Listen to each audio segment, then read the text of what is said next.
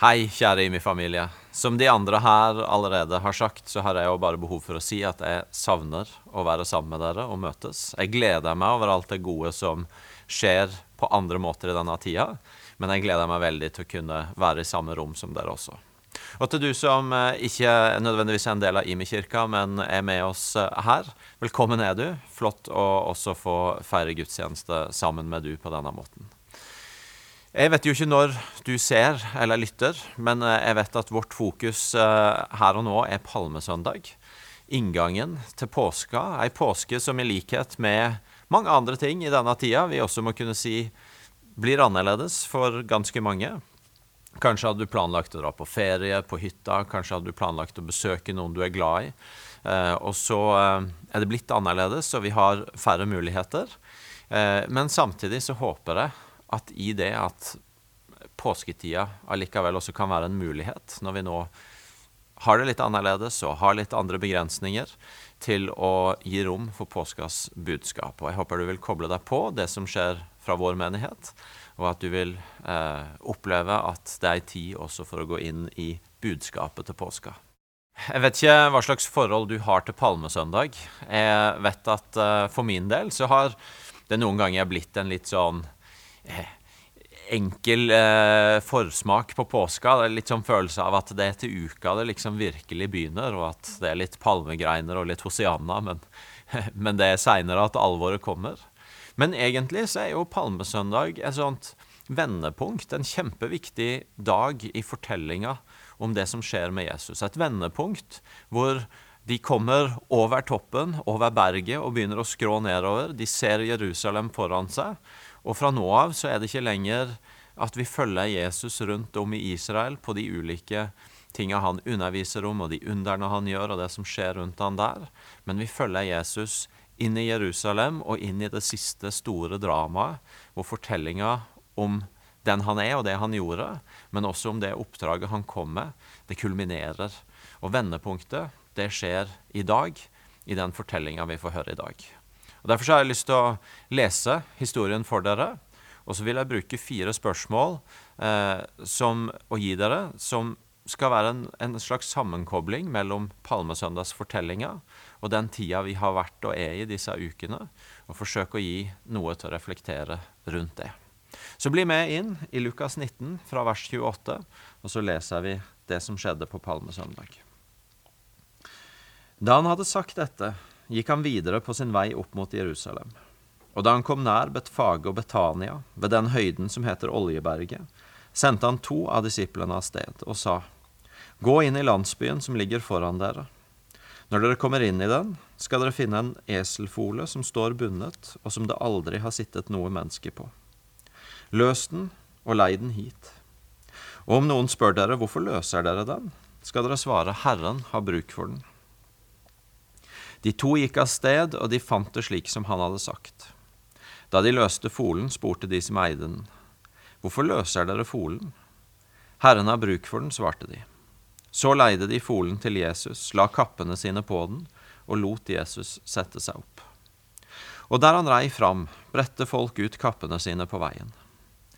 Da han nærma seg skråningen ned fra Oljeberget, begynte hele mengden av disipler i sin glede og lovprise Gud høylytt for alle de mektige gjerningene de hadde sett. De ropte, Velsignet er Han, Kongen som kommer i Herrens navn. Fred i himmelen og ære i det høyeste. Noen fariseere i folkemengden sa til han, Mester, tal disiplene dine til rette. Men han svarte, Jeg sier dere, dersom de tier, skal steinene rope. Som jeg sa, så har jeg lyst til å gi fire spørsmål som eh, tar oss inn i fortellinga, men som også tar oss inn i den tida vi er i nå. Og Det første spørsmålet det handler om hva er verdifullt. Eh, Palmesøndagsfortellinga handler definitivt om tilbedelse. Vi møter lovsang, vi møter tilbedelse, vi møter noen som gir Jesus ære. Vi ser det gjennom at de legger kappene sine ned på eselet hans og foran veien der han rir på eselet. For noen av de kanskje den eneste kappa de hadde, som de velger å ta av seg og legge foran, for å på den måten tilbe på en sånn måte han de følger og tror på. Men de tilber også med stemmene sine. Det står i vers 37 her at da han nærma seg skråningen ned fra Oljeberget, så begynte hele mengden av disipler i sin glede å lovprise Gud høylytt for alle de mektige gjerningene de hadde sett. De begynte å lovprise, og det står også i vers 38 at de ropte ut dette ropet 'Velsignet er Herren'. Så vi møter noen som tilber, som lovsynger, og det står at bakteppet for at de gjør det, det er at de var i glede eh, over alle de mektige gjerningene de hadde sett. De hadde et minne om, de fikk en bevissthet på, det de hadde sett Jesus gjorde, det de hadde sett at han brakte. Og det leda de inn i en tilbedelse idet Jesus rir ned mot Jerusalem. Eh, I denne underlige tida vi er i og har vært i, så har vi bl.a. Eh, valgt å spille inn en podkast en gang i uka som vi kaller IMI-podden, hvor målet har vært å snakke med forskjellige mennesker om hvordan de opplever denne tida. Og En av de jeg har fått lov til å snakke med, det er Leif Hetland, en god venn av huset. Og Han syns jeg sa noe som var ganske interessant. For Leif driver en misjonsorganisasjon som har arbeid og, og partnere mange steder i verden. Og så sier han i møte med krisa at vi i vår del av verden vi blir veldig lett, når, det, når, sånne ting som dette skjer, opptatt av hva som skjer med drømmene våre. Hvilke drømmer som nå faller, eller som ikke lar seg gjennomføre. Mens de i det han kaller den første verden, eller de som lever i andre steder av verden, hvor en gjerne har mindre, men som også er mer, har forholdt seg til kriser tidligere og på en annen måte har nød tett på. Han sier at de spør ikke så mye om drømmene. Det spørsmålet de stiller, det er hva er verdifullt? Hva er det som verdifullt, er verdifullt for oss nå i denne tida?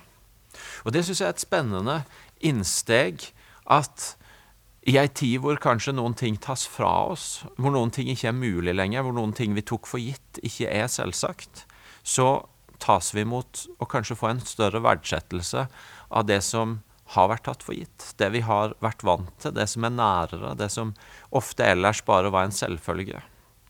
En annen jeg snakka med på IMI-podden, heter Dag Eivind Noreid. Han er pastor i Sandnes.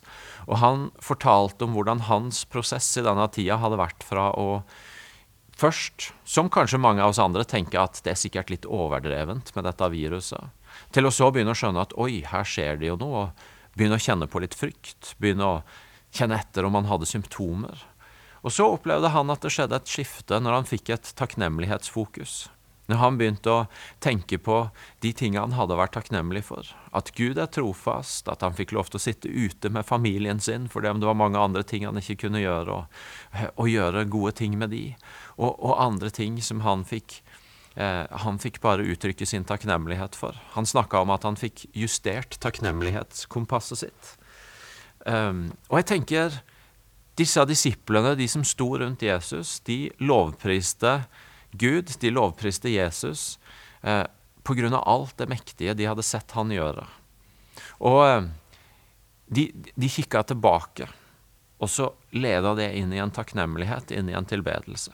Og jeg tenker at en mulighet for oss på Palmesøndag, og i ei tid som er annerledes, og hvor, og hvor vi på ulike måter kan preges av det, så er faktisk en mulighet for oss også å velge takknemlighet. Jeg har hørt flere i denne tida si at for de så blei nøkkelen til å gå fra frykt til fred, det var takknemlighet. Takknemlighet blei broa fra frykten, fra uroen, fra det å ikke helt kunne slå seg til ro, til å kunne finne en annen type fred. Og akkurat som disse huska det Jesus hadde gjort, og brøyt ut i lovsang der han rir inn mot Jerusalem, så kan vi ved starten av påska ha en mulighet til å velge takknemlighet som en måte å leve med fred og med en annen ro i denne tida. Jeg har lyst til å utfordre deg på å være konkret på det. Lag en takkevegg hjemme i huset. Finn fram ei bok som er ei takkebok. Sett av tid rundt måltidsbordet til å dele enkle ting en er takknemlig for. Og la takknemligheten få være med å prege og forme påska. Det andre spørsmålet jeg har lyst til å gi i lys av fortellinga, det er hvem jeg er. Fordi akkurat i denne fortellinga her så møter vi en gjeng disipler som tilber. Det står at de roper, de legger ned kapper, de vifter med palmegreiner. Men så vet vi jo at når, når reisen fortsetter videre ned fra Oljeberget og inn i Jerusalem, så venter det noen dager hvor det også er helt andre ting som kommer ut av disiplene. De blir redde. De sovner når de burde be. De, noen av de fornekter. Noen av de løper og gjemmer seg. Det, det, det, kommer ut helt andre ting enn den tilbedelsen vi møter i dag, i noen av de situasjonene som ligger foran. Og vi vet jo at når vi kommer i helt nye, uventa situasjoner, når vi kommer under press, når vi opplever kanskje krise rundt ting som vi har tatt for gitt, så, så kommer det andre ting ut av oss. Det kommer nye ting ut av oss som vi kanskje ikke alltid var oppmerksom på at var der, eller som har vært der, men som nå blir mer synlig. Og det tror jeg, hvis vi igjen skal hoppe fra palmesøndag og fra reisen inn til Jerusalem til den, vår egen tid og disse ukene vi lever i nå, så tror jeg mange av oss kan kjenne oss igjen i det òg. Jeg snakka med en uka som var, som sa at jeg føler at denne tida bringer ut det beste og det verste i meg. Han snakka om hvordan han, han, så at han hadde mer oppmerksomhet på, mer rom for godhet i livet sitt. Men han var også ærlig på at det var dager hvor de gikk litt på tå hev for hverandre hjemme, og ikke helt fant ut av hvordan de skulle få til dette samspillet når ting var så mye mer begrensa enn før.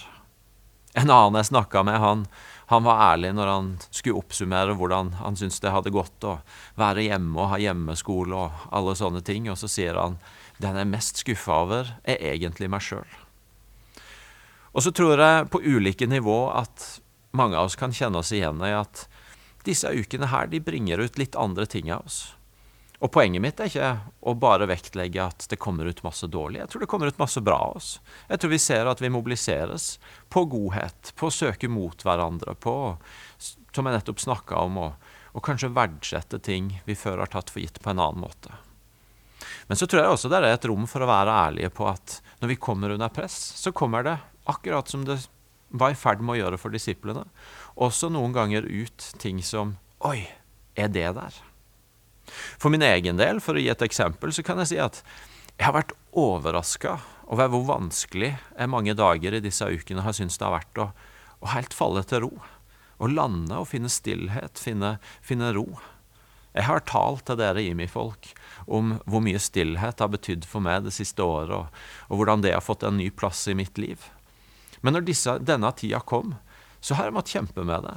Fordi at på innsida så, så, så, er det et eller annet som raser i 200 km i timen, og tenker hva er muligheten, og hva må jeg gjøre, og, eh, og hva skulle jeg gjort, og hva burde jeg gjort, og hvordan, hvordan løser vi dette, og er det kommet noen nye nyhetsoppdateringer? Og så, og så er rytmene mine blitt brutt fordi at alt er så annerledes. og så og så har jeg bare måttet se at oi, her må, jeg, her må jeg jobbe med å finne tilbake roen på innsida, med å lande på innsida i det som er nytt.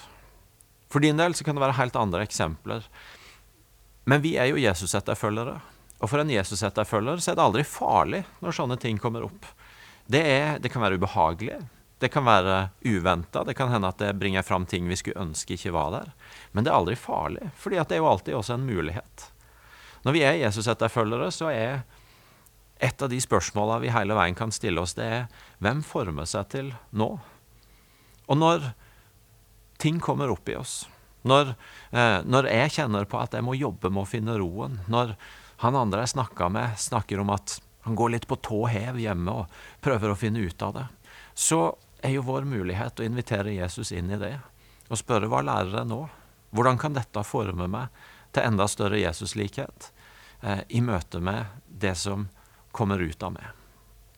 Og så er det heldigvis sånn at selv om jeg tror det er rom for å stille dette 'hvem er jeg?'-spørsmålet, og jeg har lyst til å oppmuntre deg til å være ærlig på det, til å gjerne snakke om det hjemme eller i huskirka eller ringe opp en venn og ta en ærlig prat på det. Men heldigvis så er det jo et spørsmål som er enda viktigere enn 'hvem er jeg?', 'hvem du er'. Og det er hvem han som rir på det eselet. Hva er det vi lærer om han? Hvem er han, og hva er det han åpenbarer for oss? Og hvordan er det han trer fram?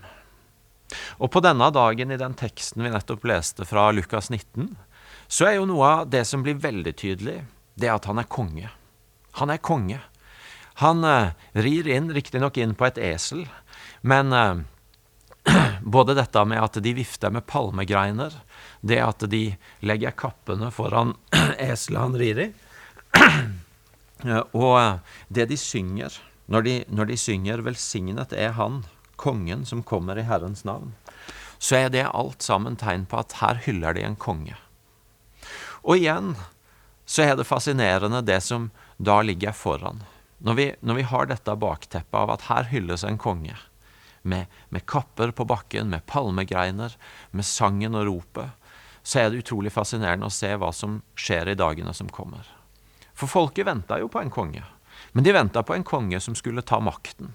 Kanskje håpa de at nå skal endelig Jesus ri inn og søke en annen type makt i det landet de bodde i. Og så er det de neste dagene åpenbarer, det at han, han er en så utrolig annerledes konge. Han er så annerledes. Dette punktet, den teksten vi leser i dag, er vel det punktet hvor, hvor han mest ligner på en vanlig konge fordi han tillater denne hyllesten, med kappene, med sangen. Men i dagene som kommer, så møter vi en konge som altså bøyer seg ned og vasker beina til folk. Som deler ut mat ved bordet og sier at 'dette er mitt legeme, dette er mitt blod'. Som velger å gå inn i den mørke natta aleine og fortsette å gå veien når de som følger han, ikke er med han, men detter av lasset og som til syvende og sist ikke søker makt i denne verden, men som søker å vinne over døden for din og min skyld når han dør på korset. Han er en så annerledes konge, og eh, jeg håper at vi i disse dagene, hvor vi kanskje får mer rom til påskebudskapet enn vi, enn vi gjør ei, ei, vanlig påske, hvor vi også er på tur eller gjør forskjellige andre ting, at, uh, at vi enda mer også skal få se hvem er denne annerledeskongen? Det er en lovsang som heter 'Alabaster Heart', som jeg syns er nydelig. Og Der er det ei tekstlinje som går sånn som dette. There it is, your alabaster cross, giving all you are for all I'm not. I can't believe that's the kind of king you are. How could I not bring a lifetime worth of worship to you, God? Alabaster spiller på en annen historie i Bibelen om denne dama som bare satte seg ned og salva Jesu føtter med en dyrebar salve som antagelig kosta alt hun hadde. Og så snur hun i denne sangen, eh, eller så snur denne sangen perspektivet når de snakker om Alabaster Cross. Jesus som gir alt til oss, alt det han er, for alt det vi ikke er. Som ikke er en konge som søker å herske over, men som i stedet er en konge som gir, og som gir alt det han er, for alt det vi ikke er. Og Så sier tekstlinja bare Jeg kan ikke tro at det er den kongen du er. Og det berører meg i møte med Jesus. At han er en så annerledes konge. Jeg kan ikke tro at det er en sånn konge du er, Jesus. Som gir alt det du er, for alt det jeg ikke er. Men det er den han er, og det er den vi skal få lov til å i disse dagene når vi følger han ned fra, fra berget, ned fra eselet og inn i dramaet eh, som påskedagen er, forhåpentligvis bare få enda mer tak i. Jeg syns det er nydelig når Paulus skriver til korinterne, 2. Korinterbrev 1,12, så skriver han Én ting kan vi være stolte av og si med god samvittighet. Vi har her i verden, og ikke minst blant dere, opptrådt med den ærlige oppriktighet som er fra Gud, og ikke vært leda av menneskelig visdom, men av Guds nåde. Leser den siste delen igjen. Ikke vært leda av menneskelig visdom, men av Guds nåde.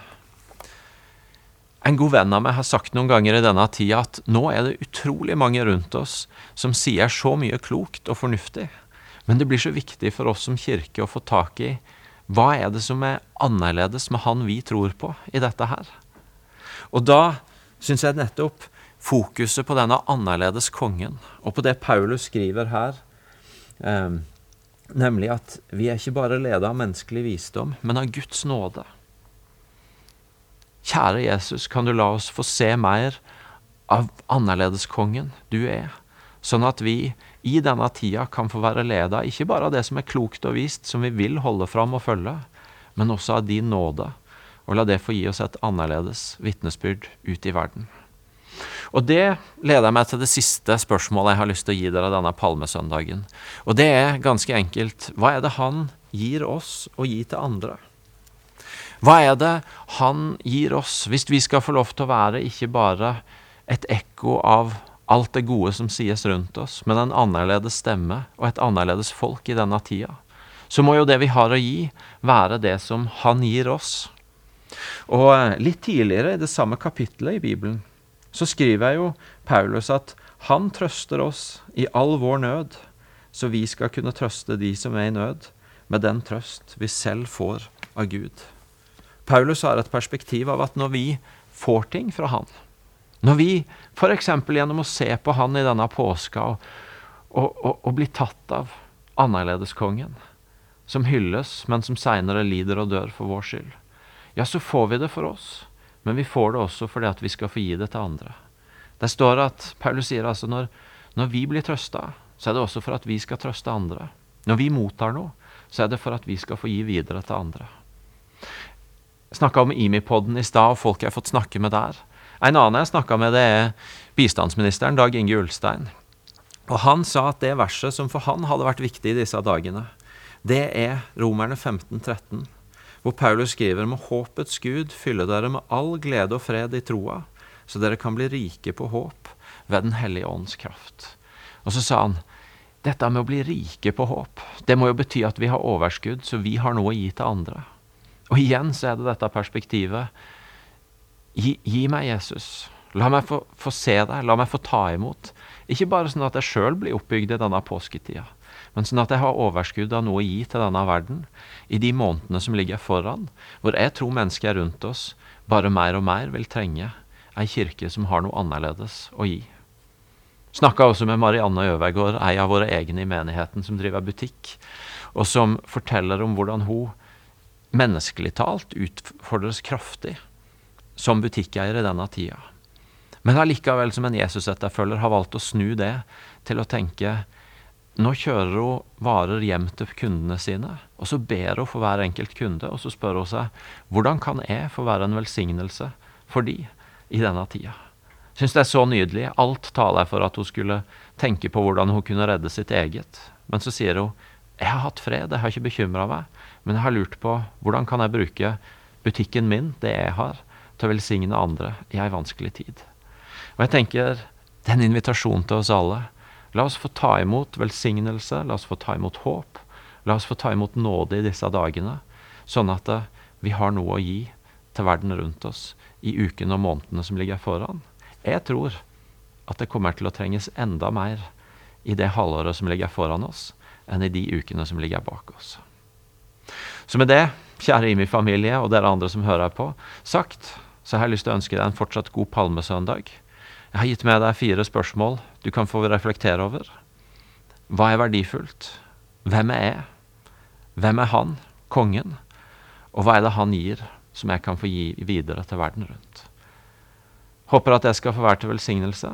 Jeg har lyst til å avslutte med en liten bønn. Jesus, på samme måte som de som sto der langs Oljeberget og fulgte deg på veien ned mot Jerusalem, ropte ut en lovsang, en tilbedelse, en takknemlighet til deg, så har jeg lyst til å gjøre det denne søndagen. Jeg har lyst til å takke deg for den du er. Jeg har lyst til å prise deg for at du er en så annerledes konge. Jeg har lyst til å rope ut en takknemlighet over at du er den som gir alt det du er, for alt det jeg ikke er. Og så har jeg lyst til å be for alle oss og for verden rundt oss at dette måtte få være ei påske hvor vi bare blir tatt enda dypere i din nåde. Og vi får lov til å, midt i alt det vi nå hører av andre ord, også virkelig få bare lande ned i hvem du er, og i den nåden du gir, og i det utgangspunktet det gir oss, også for å møte ei tid som denne. Takk for den du er, Jesus. Jeg priser deg, jeg tilber deg. Jeg har lyst til å leve for deg. Amen.